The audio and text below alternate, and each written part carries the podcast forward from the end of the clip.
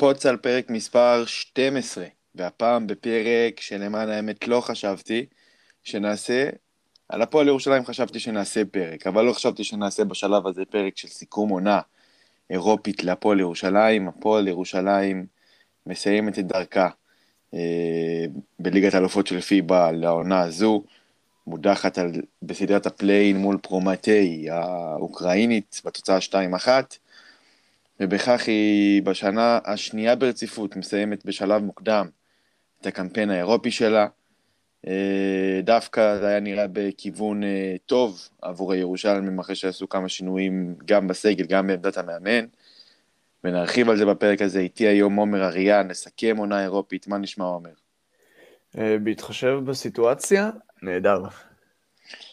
שמח לשמוע, ובאמת אנחנו ניגע היום בכל מה שקרה בעונה הזאת של הפועל ירושלים באירופה, ונתחיל, נלך עם סוג של סדר כרונולוגי, אבל הפוך, ונלך דווקא עם מה שהכי טרי, וזה הסדרה נגד פרומטי, אה, סדרה שהתחילה במשחק מדהים של הפועל ירושלים, שהכל התחבר בו, 50% מהשלוש, אדם אריאל, אדמס, אה, ניצלו את החולשות של האוקראינים, ומשם באמת במשחק השני, הפועל ירושלים, קודם כל צריך להגיד, וזה דבר שאולי גם גרם לעונה של הפועל ירושלים להסתיים, הייתה פגרה שנכפתה לפועל ירושלים בעקבות מכת קורונה בקבוצה, לדעתי שבעה שחקנים נדבקו, ומה שגרם להפסקה של ש... כמעט שבוע וחצי, שבועיים, בין המשחק הראשון לשני, וזה מאוד פגע בהפועל ירושלים, ובמשחק השני עלתה לא טוב, האוקראינים הראו שזה באמת, אלו באמת יחסית יחסי הכוחות, אבל הפועל ירושלים יכלה יותר, ובמשחק השלישי לגמרי ברח לירושלים מהידיים. ועומר, הסיכום שלך לסדרה הזאת. אז באמת המשחק הראשון, אה, המשחק הראשון לא, לא באמת שיקף את שתי הקבוצות האלו ואת היכולת שלהם בהמשך הסדרה. והתוצאות של המשך הסדרה, הסדרה רק מעידות על זה. כלומר, זה לא יחסי הכוחות. הפועל ירושלים קבוצה הרבה הרבה יותר מוכשרת, היא קבוצה הרבה הרבה יותר עמוקה ומגוונת, אמ, ויש לה הרבה יותר אלמנטים שהיא יכולה ליישם על המגרש, אבל היא בהחלט לא, לא מה שראינו במשחק הראשון, במשחק הראשון זה באמת היה משחק אה, במעמד צד אחד. אה, אז כן, אפשר לשייך את זה לאחוזים לשלוש. אני בוחר לשייך את זה אמ, בעיקר לת, לת, לתחילת המשחק. אם אני אשים את ההבדלים בהתחלה של המשחק לבין כל משחק ומשחק, אני חושב שזה הדבר שהשפיע הכי הרבה על המשחקים בסדרה הזאת. כלומר, את המשחק הראשון הפועל ירושלים פתחה בפול פאוור, אבל על אמת, כלומר, באמת, אה, אני חושב שאם היו שואלים את פרומיטי, היא הייתה מסיימת את המשחק שם. רבע ראשון של 40-16 אה, זה משהו שלא רואים כל יום, או לא רואים בכלל, אני לא זוכר רבע כזה אה, בשום מקום. את המשחק השני הפועל ירושלים הגיע אליו אחרי קורונה, אחרי שבועיים כמעט שהיא לא משחקת, בזמן שפרומיטי ממשיכה לשחק ולשחק. אמ, והדבר, הבא, והדבר הבעייתי שדווקא שם היא הייתה חייבת לפתוח טוב. ובלפתוח טוב אני ממש לא מדבר על, אמ, על לשחזר אחוזים מהשלוש כמו שהיה במשחק הראשון, או להראות איזשהו משהו התקפי יוצא דופן. פתיחה טובה אחרי שבועיים שאתה לא משחק זה פתיחה טובה דרך ההגנה. כלומר, פתיחה שאתה יודע שאתה תהיה חלוד, שאין ברירה, המהלכים יזרמו פחות טוב, כי אתה אחרי שבועיים בלי משחק, אה, ושהשלושות פחות ייכנסו, כי אתה במשחק חוץ, אה, ואתה יודע שכדי להישאר במשחק ולהיות עדיין עם היד על העליונה, אתה תהיה חייב לעשות דברים דרך ההגנה. ושם הפועל ירושלים פישלה. פעם אחר פעם פרומיטי ביצעה באמת את רוב הדברים שהיא רצתה. אם היא רצתה לעשות מהלך post-up, היא נכנסה אליו ויצאה ממנו כמעט בלי מאמץ. אמ, ואת המשחק השלישי כבר, שהוא משחק מורכב, באמת, אנחנו רואים פה דינמיקות של סדרה. כלומר, היה פה משחק ראשון, ואיך קבוצה מגיעה מצד אחד עם הזיכרונות מהמשחק הראשון המדהים, מצד שני, אחרי שבועיים שהם לא התאמנו, או לא שיחקו לפחות. אמ, אז ראינו דינמיקה של סדרה שבמשחק השלישי הוא פתאום מגיע יומיים אחרי, הוא פתאום מגיע שהל... שהלחץ עובר לירושלים במשחק בית, יומיים אחרי ההפסד הכואב, ופתאום ראינו לחץ מדבר. אז כן, יש טעויות בניהול המשחק, ועוד ניגע בהם ועוד תשאל אותי על זה, ויש טעויות ב... אה, ויש עדיין בעיות בסגל שמעולם לא נפתרו, אה, וזה לא הפריע לאף אחד שהפועל ירושלים ניצחה ב-25 הפרש בבית. כל אלה נכונים, אה, אבל בסוף יש פה מה שנקרא משחק אחד שהתפקשש, אתה יכול לבחור אם זה המשחק השני או השלישי, אבל היה פה משחק אחד שהתפקשש, ואם זה היה אחרת אז הכל היה נראה אחרת. אבל את זה צריך לדעת, ואת זה בעיות של ניהול משחק וסגל אה, לוקה בחסר, אה, אם היו מצליחים לכפר עליהם, אם אה, לכפר עליהם ולהקטין אותם, זה בהחלט היה משנה את כל התמונה ואת כל מה שאנחנו מדברים עליו כרגע. לדעתי לפחות, דרך אגב,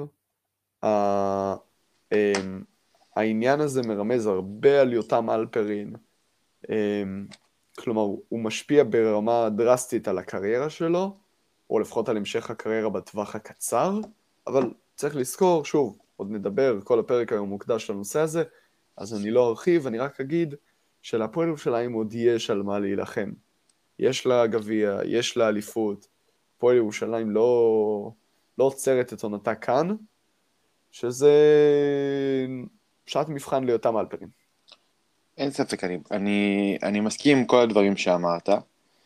אני חושב שבאמת הדברים שהשתנו מהמשחק הראשון לשני והשלישי, שאת השני והשלישי אני שם ביחד, כי אני חושב שבשניהם פרומייטי הייתה, אני לא יודע אם יותר טובה, אבל היא פשוט עשתה את הדברים יותר בקלות, כי הפועל ירושלים די אפשרה את זה. אני חושב שגם במשחק השני והשלישי הפועל ירושלים פחות ניצלה את החולשות שיש לפרומייטי, דוגמת אה, בילן, פחות אה, הצליחה לנצל את ה... לקחת אותו ל pick and roll ולשים עליו את הנקודות, זה פחות קרה מאשר במשחק הראשון, שזה היה אצלי מאוד בולט. ובעיקר אני חושב שבשני המשחקים האחרונים, אה, אובסואן לא היה 100%, וזה מאוד פגע בהפועל ירושלים, כי הפועל ירושלים צריכה אותו נוכח. רגע, אז בוא נדבר שנייה על אה, סוגיית אה, רטין אובסואן. אמ, כי אני חושב שהדבר הזה נותן איזשהו קצת knock knock לשון קילפטריק, שלא היה נוכח בכל הסדרה הזאת. כלומר, אני חושב שההיעדרות שלו קצת הוסתרה, או קצת לא דוברה. כי שוב, הפועל ירושלים משחקת כבר הרבה מאוד זמן בלי קילפטריק, אבל משהו השתנה. ומה שהשתנה אה, דיברנו הרבה פעמים על שלישיית הגארדים ועל זה שההיררכיה ביניהם מתחילה להסתדר, אבל ההיררכיה ביניהם השתנתה. פעם, כאשר אדמס היה מספק נקודות משני, והיה לנו את רטין אובסואן, שלצד היותו playmaker, והוא עשה את העבודה הזאת, פחות טוב ויותר טוב, הוא עשה את זה ברמה מספיק טובה, אמ, לצידו היה, הוא, הוא היה מייצר נקודות, הוא היה סקורר, לצידו היו שני מייצרי נקודות משניים בדמות קיל פטריק ואדמס. משהו השתנה במשחקים האחרונים. הדבר העיקרי שהשתנה זה שאדמס נהיה הסקורר המרכזי במקום אובסואן, ואובסואן שהפסיק um, לייצר נקודות, דרך אגב, יכול להיות שזה בגלל הפריחה של אדמס, הוא מתקשה להיכנס לקצב ולייצר נקודות. יכול להיות שזה אה, בגלל שיטה קצת שהשתנה. פעם באמת, הפועל ירושלים, כל המודל ההתקפי שלה היה מרוכז בו בסואן, ופתאום זה קצת פחות. ויכול להיות שזה תקופה כזאת, או אולי שמה שהיה קודם זה תקופה וזה אובסואן האמיתי. בכל מקרה, אמ, מה שחשוב להבין זה שברגע שאובסואן לא מייצר נקודות ומנסה להיות רק playmaker, שאת עבודת ה playmaking הזאת אה, הוא לא, עושה, הוא לא עושה טוב, או לא עושה מספיק טוב, אז הפועל ירושלים בבעיה כי היא חייבת עוד מייצר נקודות. אני, ועוד אני, מייצר נקודות זה קיל פטריק.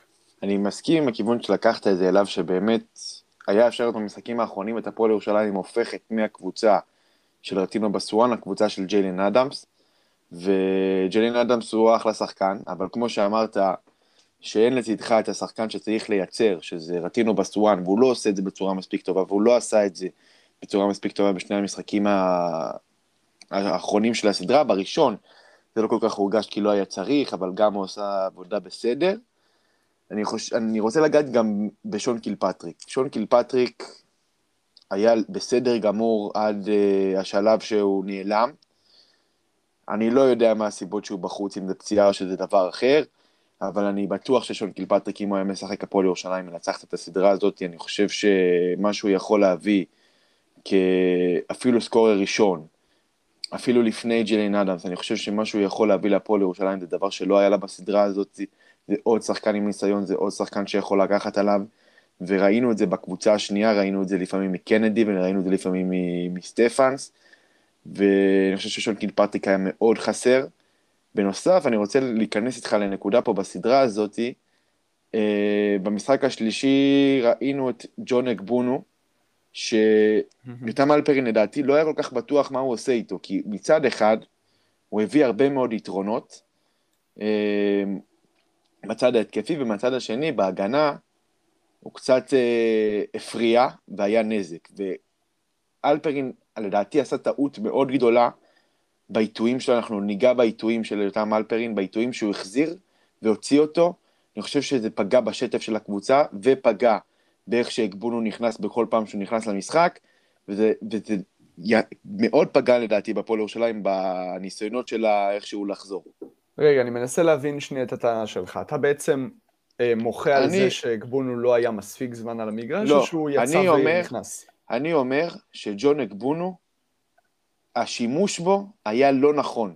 אני חושב שברגע, שברגע שהוא היה על הפרקט, לא, בפעם הראשונה שהוא היה על הפרקט, הוא היה טוב בהתקפה, נזק בהגנה. אחרי זה, יותם אלפרין לא הבין ולא היה בטוח במה הוא רוצה ממנו, או שהוא רוצה אותו בכלל על הפרקט.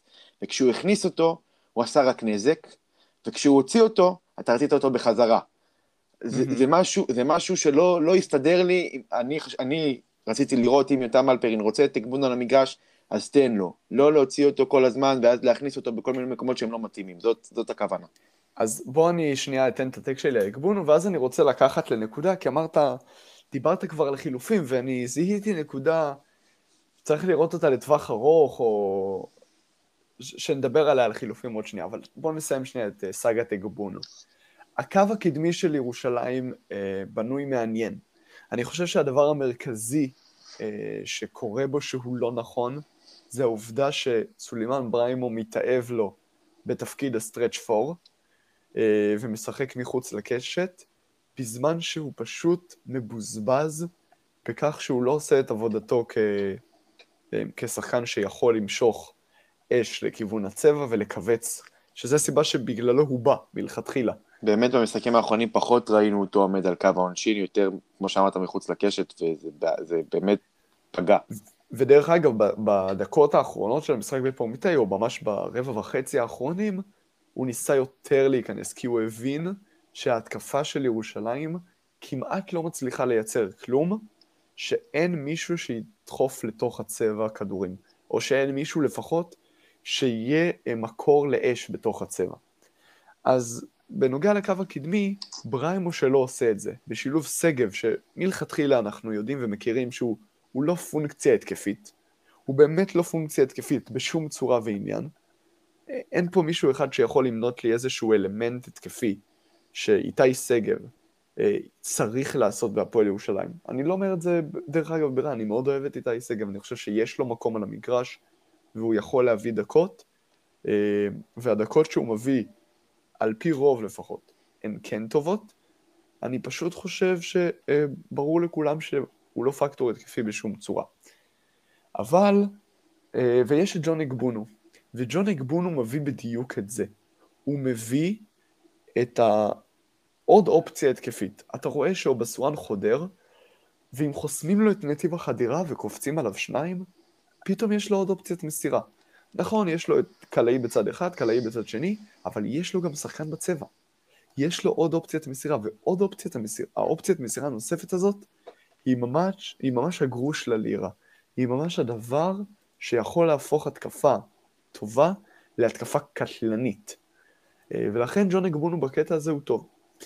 בנוגע לג'ון אגבונו אה, בהגנה, ברור, ואני חושב שכל מה שדיברנו עליו, אם אתה זוכר, דיברנו באחד מהפרקים הקודמים על ההחתמה שלו, אני חושב שכל מה שאמרנו מתממש. אני דיברתי על זה שרים פרוטקטור, שחקן עם קפיץ ברגליים, שחקן עם אוריינטציה הגנתית בתוך הצבע, זה יש. זה ג'ון אגבונו מביא, ושתי החסימות ברבע הראשון מעידות על זה, אה, ואת זה הוא בהחלט עושה בצורה נהדרת. שוב, זה לא רק חסימות, אנחנו מדברים מלא פעמים על זה ששחקנים בגובה כזה משנים זריקות, הם לא... ששחקן זורק בסביבתם, הזריקה שלו נראית קצת אחרת, והקצת אחרת הזה יכול להבדיל כליאה אה, מהחטאה. אבל דיברנו על זה שג'ון אגבונו הוא לא התאמה מושלמת להגנת החילופים של ירושלים, ושיותם אלפרין ניסה להחליף עם אגבונו ולגרום לו להיות על גארדים, הוא התקשה. הוא לא תמיד הצליח לעשות את זה. הוא לא תמיד ידע מה לעשות עם הרגליים שלו. הרבה פעמים לקחו אותו לסל, הרבה פעמים זה הסתיים בעבירה, הרבה פעמים זה הסתיים בסל, הרבה פעמים זה הסתיים בשניהם ביחד, או בשלשה, או whatever. דיברנו על זה שהוא לא התאמה מושלמת, ודיברנו על זה שצריך לעשות את ההתאמות המתבקשות, התאמות שיותם אלפרין לא עשה בשלב זה. מאוד נוח לקחת שחקן חדש לשיטה קיימת ולהגיד לו, יאללה, שחק. דרך אגב, עם בריימו זה עבד נהדר. עם אגבונו זה לא, זה לא עבד, זה לא יעבוד גם, ואני מניח שיותם אלפרין קיבל פה סטירה בהקשר הזה שתגרום לו לשנות את הדברים. אה, וכן, אנחנו חוזרים לנקודה הזאת כל פעם ועוד נחזור אליה בהקשר של הסדרה הזאת. הייתה פה בעיה ברמת ההכנה הטקטית, חלק מהבעיה זה חוסר מעוף טקטי. ומעוף טקטי מתבטא גם בזה שאם יש לך שחקן שאתה בונה עליו לדקות משמעותיות, אתה תסדר אותו מבחינה הגנתית ולא תפקיר אותו להגנת חילופים שהוא אה, בוודאות לא מתאים אליה כמו שהיא. אז זה חלק מה, אה, מהתחלואה שהפועל ירושלים גילתה על עצמה במשחק הזה. ג'ון אגברונו הוא רק התסמין. אוקיי, okay. אני, אני באמת מסכים עם כל מה שאמרת פה על אגברונו, גם מה שאמרנו בפרקים הקודמים. אני באמת חושב שברמה הטקטית הפועל ירושלים לא הייתה מספיק טובה, היא לא הגיעה מספיק מוכנה ולא מספיק ידעה מה היא רוצה לעשות, ולפעמים ידעה מה היא רוצה ולא הצליחה ולא היה לה פלן בי. ומכאן אנחנו עוברים לשלב הבתים של הפועל ירושלים. אה, השלב הזה התחיל עם אה, שלושה הפסדים, לעומת אפס ניצחונות בסיבוב הראשון. הפועל ירושלים הייתה נראית בדרך לגמרי החוצה, במצב ממש ממש לא טוב. אבל אז הגיע סולימן בריימו. סולימן בריימו שינה את הכיוון של העונה הזו. הפועל ירושלים בסיבוב השני עושה בדיוק הפוך, מנצחת שלוש פעמים, מפסידה אפס. וזה היה נראה שבאמת העונה האירופית הזו הולכת למקום טוב, אבל זה לא הלך לשם. ומכאן אנחנו ניכנס ל... למרקם של הסגל של הפועל ירושלים, של איך שבנו אותו. מי שזוכר, בקיץ הפועל ירושלים, אה, היום המרכזי היה יום שהיא הודיעה בו על אה, תון מייקר, על אנטוני בנט ועל שון קילפטריק, שלושה שחקנים שעם עבר NBA מאוד מכובד, ואני רוצה לגעת קודם כל בשניים שלא נמצאים כאן, פון מייקר ואנטוני בנט, שנתחיל ממייקר, שלא ברור לי בכלל מה חשב יותם אלפרין, אם הוא אחראי על הדבר הזה, מה הוא חשב שהוא הביא את השחקן הזה לפה. אני, בטענה, אני חושב שגם אמרתי את זה איפשהו, ששחקנים עם גובה כזה לא יכולים להצליח בליגה הישראלית. למה? כי אני חושב שמבחינת ה... גם מהירות של המשחק, גם במשחק עומד, הם לא יכולים להתאים לליגה הישראלית, ופון מייקר הוכיח את זה העונה ביחד עם הליק דיים, ממכבי ראשון שעף מפה די מהר, ופונמייקר לא התחבר לא באירופה, לא בליגה, לא בשום מקום, ואנטוני בנט התחיל מעולה עם שלשות, אבל לאט לאט גם זה ברח. ואיך אתה מסכם את כל הדבר הזה שנקרא תון מייקר ואנטוני בנט? אוקיי, okay, אז זה שני שחקנים שונים בתכלית, כלומר, ברור לי למה הם באים בקבוצה, מה שנקרא, אבל בוא נפריד ביניהם ונדבר על כל אחד בנפרד. תון מייקר, אני מסכים מאוד עם מה שאתה אמרת. אני רק אשנה משהו קטן. שחקנים בגובה הזה לא לא מתאימים לכדורסל הישראלי. שחקנים בגובה כזה לא מתאימים לכדורסל המודרני.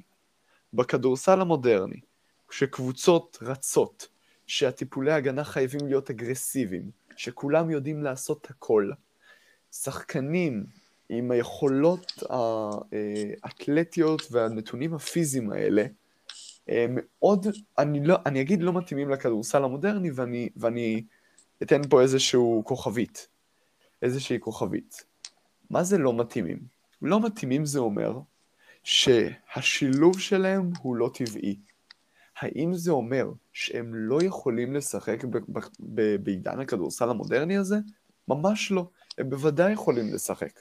אבל ההתאמות שיצטרכו לעשות כדי איכשהו לשלב אותם בשיטת כדורסל שתתאים לכדורסל שמשחקים כיום, זה התאמות גדולות שיפ... ש... לא אגיד יפגעו, אלא ישנו את אה, מרקם הקבוצתי ואת השיטת משחק הקיימת, אוקיי? ככה נמדדת, לדעתי, מידת התאמה לכדורסל. מה זה אומר? שלדעתי, יותם אלפרין, או אורן עמיאל, או מי שזה לא יהיה, היו מסוגלים לשלב את טון מייקר בהפועל ירושלים. האם זה היה דורש התאמות גדולות? האם זה היה דורש אה, שינוי דרסטי לפחות מבחינת שיטה? התשובה היא כן. האם זה היה יכול להצליח? התשובה היא כן. האם זה אומר שהשחרור הוא אה, לא מוצדק? ממש לא. אולי ציפו לקבל ממנו משהו אחר, הרי בהתחלה דיברו גם על זריקה משלוש, או דיברו על יכולות אה, הגנה אה, מאוד טובות, ואת שתיהן לא קיבלנו, כך שבסוף, ההבאה בדיעבד, אני לא רואה בה איזשהו פגם, השחרור, אני לא רואה בו פגם, אני רק אומר שבכל מקרה היה יכול להיות אחרת. בנוגע לאנטוני בנט, דעתי הרבה יותר נחרצת. אנטוני בנט, מהשנייה הראשונה שדרך כאן בהפועל ירושלים ועד השנייה האחרונה, היווה נזק הרבה יותר מ, אמ, מאיזשהו רווח ותרומה להפועל ירושלים. כי גם שאמרת, הזכרת את התקופה ההתחלתית, בתקופה ההתחלתית אתה מדבר על המשחק נגד קרשיאקה, כי בינינו זה באמת היה המשחק היחיד שבו הוא עשה נטו את הדברים המ...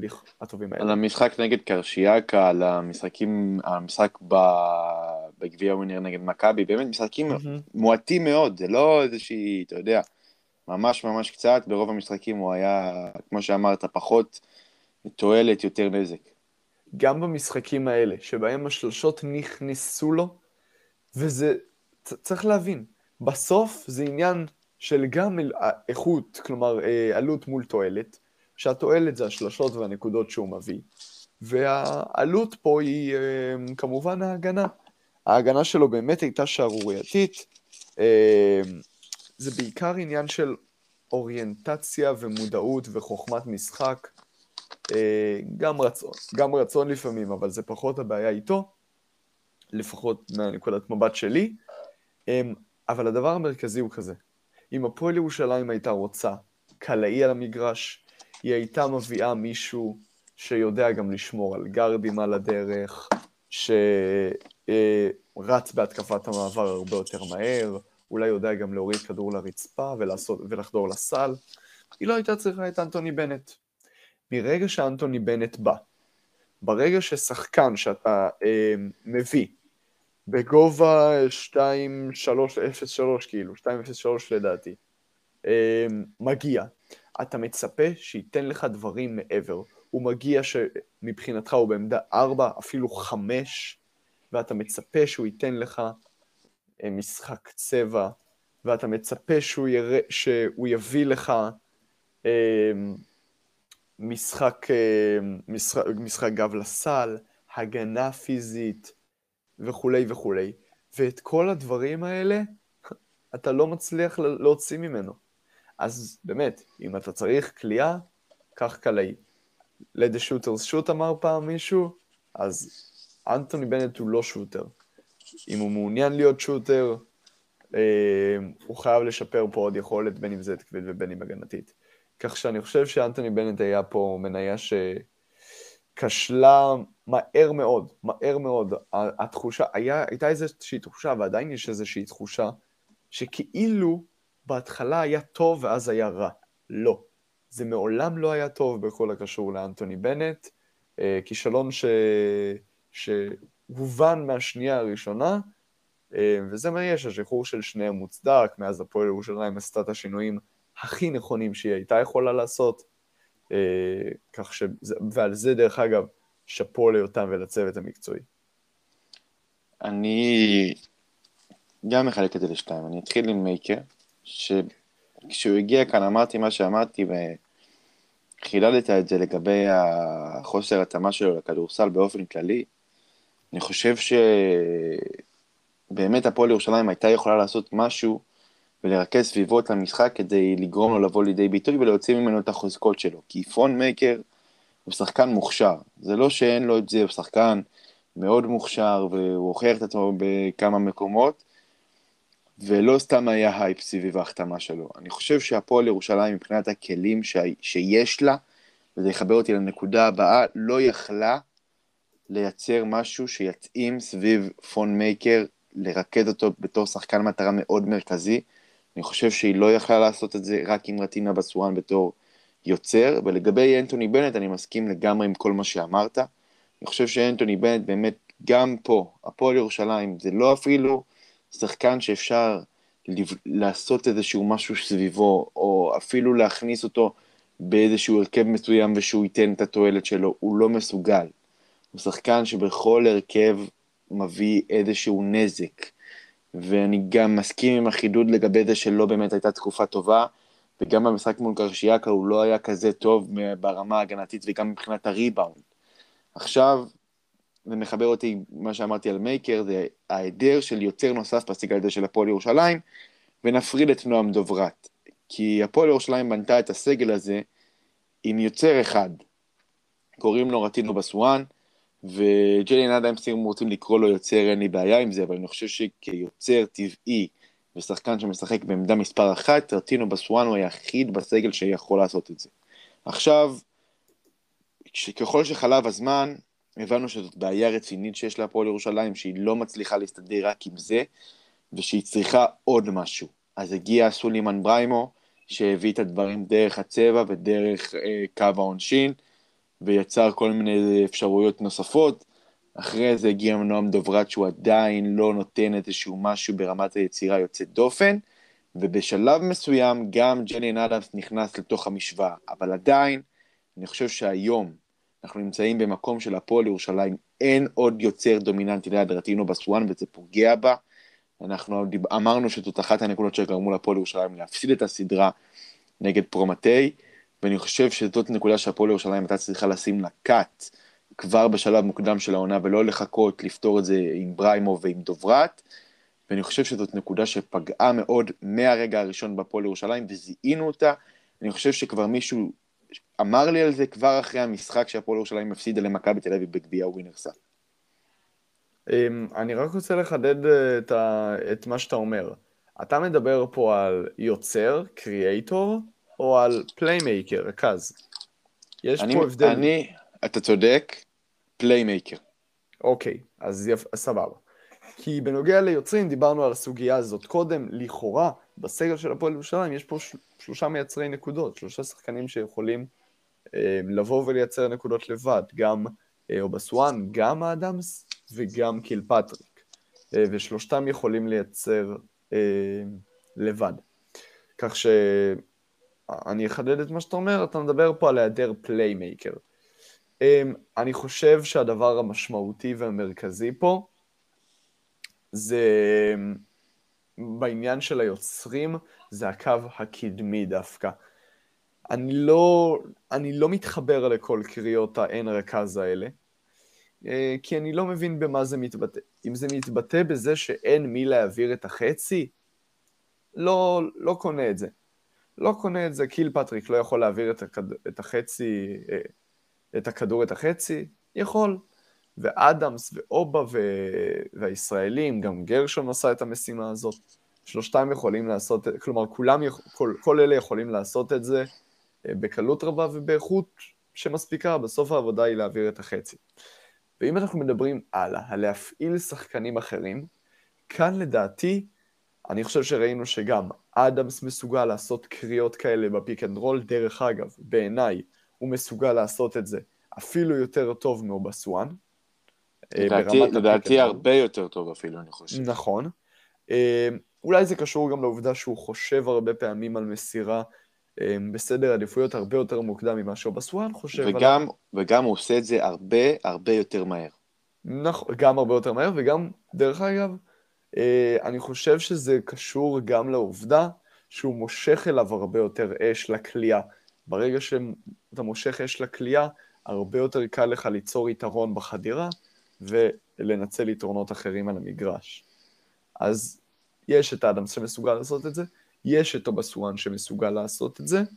הצטרף נועם דוברת, שבמשחקים האחרונים מאוד מאוד מרשים, לפחות אותי, אה, בכל הנוגע לקריאה מה pick and roll, יודע, קורא בדיוק את הטיפול ההגנתי, ויודע בדיוק מתי להתרומם ל pull-up מהשלוש, מתי לקחת אה, בחדירה ולעשות כזה pocket pass אה, לרולר, ומתי לעשות ככה וככה, הוא ממש קורא את ההגנה בצורה נהדרת לדעתי.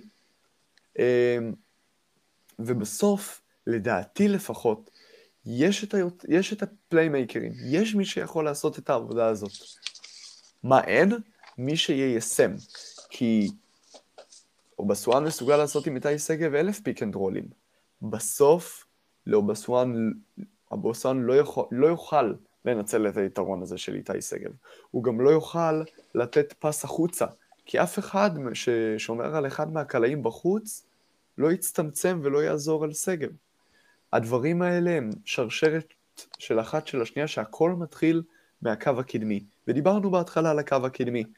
במידה וזה, והגבונו ובריימו, שניהם מנצלים את הדבר הזה, ודרך אגב, במש... בשני המשחקים האחרונים מול פורמיטי, ירושלים ניסתה לשלב הרבה מאוד מהלכים של משחק בין שני גבוהים, שלא עבדו לטוב ברמת, אה, ברמת הביצוע, אבל מבחינה רעיונית לפחות, יש בזה פוטנציאל, עד שירושלים לא יצליחו לעשות את ההתאמות מבחינתם של איך עושים משהו מהקו הקדמי, איפה ברימה משחק, מה הרול של אגבונו, מה נתח הדקות שלו, איך בכל זאת מנסים שאיתי שגב יעשה את הדברים שהוא צריך לעשות, או שהוא אולי יכול לעשות, עד שלא יצליחו לענות על השאלה הזאת, סוגיית ה playmaker לא תהיה רלוונטית.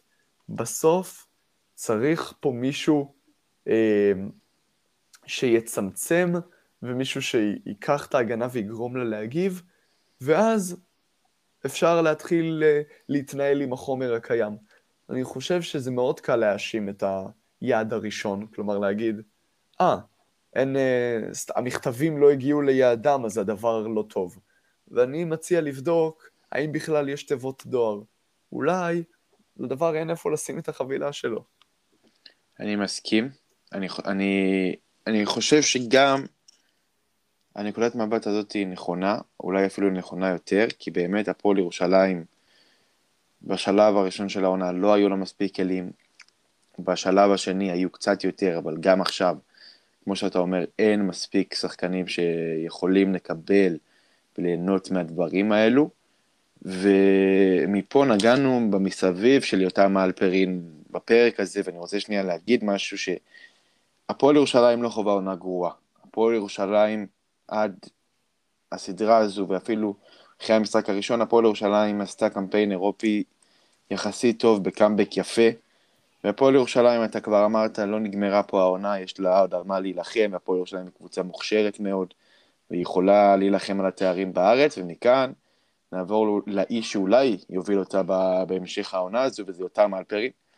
שקודם כל מגיע לו שאפו גדול על זה שהוא בכלל לקח את האחריות ועבר לקדמת הבמה בתפקיד שאני לא יודע אם הוא רוצה או לא רוצה, כי הוא אף פעם לא אמר באופן חד משמעי שהוא רוצה להיות מאמן כדורסל. והשאלה שלי זה אם בסופו של דבר, זה שהפועל ירושלים קצת אה, נהנתה מהתשע אחת שהיה שם לפני המשחק מול מכבי תל אביב, האם זה שהיא המשיכה כל הזמן עם יותר מלפרים גרם להדחה. אז אני חושב שאם היה פה איזשהו מאמן יותר איכותי ויותר טוב, יכול להיות שהפועל ירושלים הייתה עוברת את פרומטי. כי יכול להיות שהיה מכין את הקבוצה קצת יותר טוב, יכול להיות שהיה משתמש בדברים שיש לו בקבוצה בצורה יותר טובה, כמו אקבונו שדיברנו עליו, וכמו לדוגמה קצת יותר לנצל את מה ש... את, את, את בילן אה, ולתקוף אותו יותר. ויכול אולי קצת יותר לסדר את איך שרוטינו בסואן משחק ליד את ג'יילן אדמס. ומבחינת ניהול המשחק, יותם אלפרין, אני חושב שניהול המשחק שלו לא היה טוב בשני המשחקים האחרונים של, של המשחק, של הסדרה. ואני אחבר אותך לשאלה שפתחתי איתה, האם בסופו של דבר מה שגרם להדחה של הפועל ירושלים, שיותם אלפרין עמד על הקווים. אז אני, מה שנקרא זה שאלת מה היה קורה אם. כלומר, אם היה מאמן אחר, מה היה קורה? אני לא חושב שזה מה ש... שזה השאלה ש... כלומר, זה שאלות אה, שמאוד קשה לענות עליהן ומאוד אה, מאוד בעייתי. אז בואו ניקח את זה למקום אחר. אני חושב, אני אקח את זה למקום שאם, עזוב אם, לדוגמה, לדוגמה, ננו גינסבורג, אם הוא היה עומד על הקווים בהפועל ירושלים, מאמן מהסוג הזה, מאמן עם ניסיון, הפועל ירושלים הייתה מודחת? התשובה היא שלדעתי לא. אמ, כלומר, מה שנקרא, זה מה ש... כולם צריכים להתחיל מאיפשהו, ויותם אלפרין בוחר להתחיל מפה, אבל התשובה היא שלדעתי לא, לדעתי אמ, ההפסד בסדרה, ואני לא מדבר פה עכשיו בגדול, אני לא מדבר על מה, כלומר, על האם המעבר לפיבה אה, כישלון או הצלחה, או אפילו האם העונה הזאת של הפועל ירושלים היא כישלון או הצלחה, אני מדבר פה שנייה על הסדרה שבה הפועל ירושלים, ירושלים מובילה 1-0 ומפסידה 2-1. אה, איך הדבר הזה קורה? הדבר הזה קורה ש... כי בצד אחד יש מאמן שעושה, שמגיב למתרחש, ובצד שני, יש מאמן שלא עושה את זה מספיק טוב. כדורסל אה, הוא משחק שמתבסס על action ו reaction. קבוצה אחת יוזמת וקבוצה שנייה מגיבה. השנייה עושה עוד פעולה והיא צריכה להגיב שוב. אה, ככה עובד הכדורסל. אני אתן לזה דוגמה ב possession מאוד פשוט. קבוצה אחת עושה action, pick and roll, קבוצה שנייה עושה reaction, שזה איזשהו טיפול הגנתי. אז הפעם האקשן זה הטיפול ההגנתי, אז הקבוצה הראשונה צריכה לעשות איזשהו reaction, איזשהו חיתוך, איזשהו אה, עוד pick and roll, לא יודע. בקיצור, ככה עובד כדורסל, ככה תמיד עבד כדורסל. ובסוף, אתה מנצח משחקים ככל שהתגובות שלך הן מדויקות יותר, ומהירות יותר. התגובות של יותם אלפרין לא היו לא זה ולא זה. ננו גינסבורג לדוגמה אמ, הגדיל את ה size בקו האחורי שלו כדי לנטרל את הפליימייקרים של הפועל ירושלים. זה היה לו מאוד קל בהיעדר קילפטריק ומאוד קל אמ, בהיעדר נוכחות בצבע. אה, כך שהוא נטרל בעצם את אובה ואדמס הרבה פעמים, או לפחות נטרל את שאר החברים שלהם בקבוצה באמצעות הדבר הזה. ליותם אלפרין היה מאוד קשה להגיב, היה לו מאוד קשה לשנות לדוגמה את קצב המשחק, את, אה, את התרגילים, אולי לעבור לתרגילים יותר סטטיים, לדוגמה לתרגילי כליאה של אדם אריאל, או לתרגילים של פואנטה בצבע של בריימו או גבונו. כלומר, היה לו מאוד קשה לק... ל... ל... לראות את המתרחש של המגרש. אני לא יודע האם הקושי היה בלזהות את הניסיונות של פרומיטי, למרות שהם היו די שקופים, או הקושי היה בלהתאים את הטיפול המתאים לזה. בכל מקרה, איפשהו בתהליך הזה, איפשהו במערכת הזאת, יותם אלפרין נכשל. איפשהו יותם אלפרין לא עשה את ההתאמות הדרושות ונכשל בתהליך ה action ו reaction הזה, שזה בסוף העבודה של מאמן. עכשיו, ככה עובדים מאמנים מתחילים, אין ברירה, ככה זה צריך לקרות. אה, אבל אין ברירה וחייבים להגיד את זה. בסדרה הזאת זה בא חשבון הפועל ירושלים ועלה לה בהדחה. אוקיי, אני חושב שבאמת, מה ששאלתי, אני חושב שזאת באמת התשובה ש... שאני מסכים איתה, שאני חושב שזה מה שבאמת באיזשהו מקום גם גרם לזה לקרות. ושוב, אמרתי, העונה הזאת של הפועל ירושלים לא נגמרה. הפועל ירושלים בליגה הישראלית ובגביע עוד יש לה על מה להילחם, והיא מסוגלת להילחם. אה, העונה הזאת בליגה הישראלית היא פתוחה מאוד, איך שאני רואה את הדברים. ונגעת בנושא הזה של היורו-קאפ והמעבר, אני חושב שזה נושא רחב, ואני חושב שיהיה לנו מאוד קשה להיכנס לזה, אבל לקראת העונה הבאה בהפועל ירושלים ברמה האירופית, אחרי שתי עונות שמודחים בשלב מוקדם, ואחרי שבעונה ב-19-20 זה היה איזשהו, הייתה איזושהי התחברות מאוד גדולה, שאני לא מייחס חשיבות לאיך שזה נגמר מבחינה פורמלית של מה שקרה בפיינל 8 שם באתונה, שזה לא היה אותו סייגל, זה, לא, זה בכלל לא אותו דבר. אבל מה אתה חושב שהפועל ירושלים ברמת הקמפיין האירופי צריכה לשפר, לקחת לקחים לקראת העונה הבאה? אז דבר ראשון, מהבחינה הגדולה, מה שנקרא, אמ, המון תלוי בבעלים החדש, הרי אנחנו יודעים שמייקל דייוויס הגיע לכאן לארץ כדי למכור אה, את חלקו בהפועל ירושלים, מי הבעלים, מה החזון שלו, מה חלוקת התפקידים, מה נתח התקציב, כל הדברים האלה מאוד ישפיעו על העונה הבאה, גם בזירה האירופית, מן הסתם, אין ברירה, ואני חושב שאולי אפשר ללמוד משהו על הבנייה בקיץ, כולם הבינו שיש איזשהו תמרור אזהרה אמ, כבר בבנייה. אני לא מדבר אפילו על זהות השחקנים שהובאו לכאן, למרות שיש להם חלק, אלא על העובדה שאם מגיע מאמן חדש, עושה reset, מכניס שיטה שהיא מאוד בנויה, כלומר, היא לא יכולה להיות יותר מפושטת, היא מאוד בנויה, מאוד מורכבת, מאוד מסובכת, אמ, אתה לא יכול להביא שחקנים אמ, שכולם מהג'י ליג או כולם אמריקאים שלא יכולים להשתלב בקלות בתוך כדורסל אירופאי קלאסי, ולעשות את זה בדקה ה-90, ולצפות שתוך חודש הקבוצה כבר תהיה מאומנת, מוכנה וערוכה להילחם באירופה על, אמ, על המקום הראשון בבית. קשה מאוד לעשות את זה, אז בהקשר של הבנייה, אני חושב שצריכים אה, אם צריכים, אם צריכים לעשות בנייה מוקדמת יותר, או להתאים את סגל השחקנים לעיתוי הבנייה. בהקשר היותר רחב, אה, זה כבר תלוי המון המון המון במבנה ההנהלתי וגם במבנה התקציבי והכלכלי של הפועל ירושלים בעונה הבאה, אה, ובין היתר בתוצאות שהם ישיגו עד סוף העונה הזאת. כך שכרגע מוקדם מדי לסכם, מוקדם מדי להפיק לקחים. ואת זה הם יצטרכו לעשות בהמשך. אני מסכים איתך, אני חושב שבאמת, ב... קודם כל, ברמה של ההתארגנות המוקדמת, הפועל ירושלים צריכה לסגור ולבנות את הסגל יותר מוקדם, לא לחכות ל...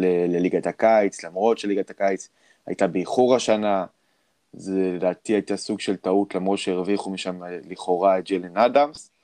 וגם, אני חושב שאמרת על שחקנים שמגיעים מהג'יליק ומה-NBA, שפתאום מצפים מהם לבוא ולהיות uh, באירופה משהו יוצא דופן. עכשיו בהמון קבוצות יורוליג רואים את זה קורה, שלאו דווקא השחקנים האלה מתחברים, אפשר לראות את קנט פריד ששיחק העונה בג'סקה, את קוסטה קופוס ששיחק באולימפיאקוס, ואני חושב שהפועל ירושלים צריכה ללכת לכיוון של שחקנים מנוסים יותר, שחקנים שמכירים את ליגת האלופות, כי הפועל ירושלים, אתה יודע, אולי, אולי היורו-קאפ מתאים להפועל ירושלים ברמה של המועדון וברמה של התחרותיות, ואני חושב שהפועל ירושלים תמשיך בפיבה בשנים הקרובות. אני חושב שהפועל ירושלים צריכה להביא שחקנים שמכירים את המפעל הזה, שעברו בו דבר או שניים. ואם מסתכלים אולי על, איזושהי, על איזשהו מודל בשביל הפועל ירושלים, זה אולי אפילו סוג של הפועל חולון שמביאה שחקנים יותר מנוסים ולאו דווקא שחקנים מה-NBA. הפועל חולון מביאה סוג של גנבות כאלה, אבל באמת אמרנו זה עוד מוקדם, ולהפועל ירושלים יש עוד על מה להילחם, ואם יש לך עוד מה להוסיף לקראת סיום, בכיף. לא, אני חושב שבסוף קרה מה שקרה, צריך לזכור את המקום הנמוך שהפועל ירושלים התחילה את שלב הבתים הזה והזכרת אותו, אה, וברור שהכישלון הוא כישלון, אבל בסוף הכישלון הוא לדעתי כישלון, אה, הסדרה מול פרומיטי היא כישלון מינורי. הכישלון האמיתי פה זה אותו, אה, זה, אותה, זה אותו כישלון כולל, שכולל את הבנייה המאוחרת ואת הפיטורים של אורן עמיאל ועוד ועוד ועוד ועוד, וזה, מזה אפשר להסיק לקחים. אני חושב שלקחת את הסדרה מול פרומיטי ולהתחיל להסיק מסקנות עכשיו ארוכות טווח, זאת תהיה טעות. הפועל ירושלים צריכה להרים את הראש, להתעודד ולהמשיך להילחם על התארים שיש, ויש. אני מסכים איתך, ועם זה נסיים. תודה רבה, עומר, ובפרקים. הבאים. ביי ביי.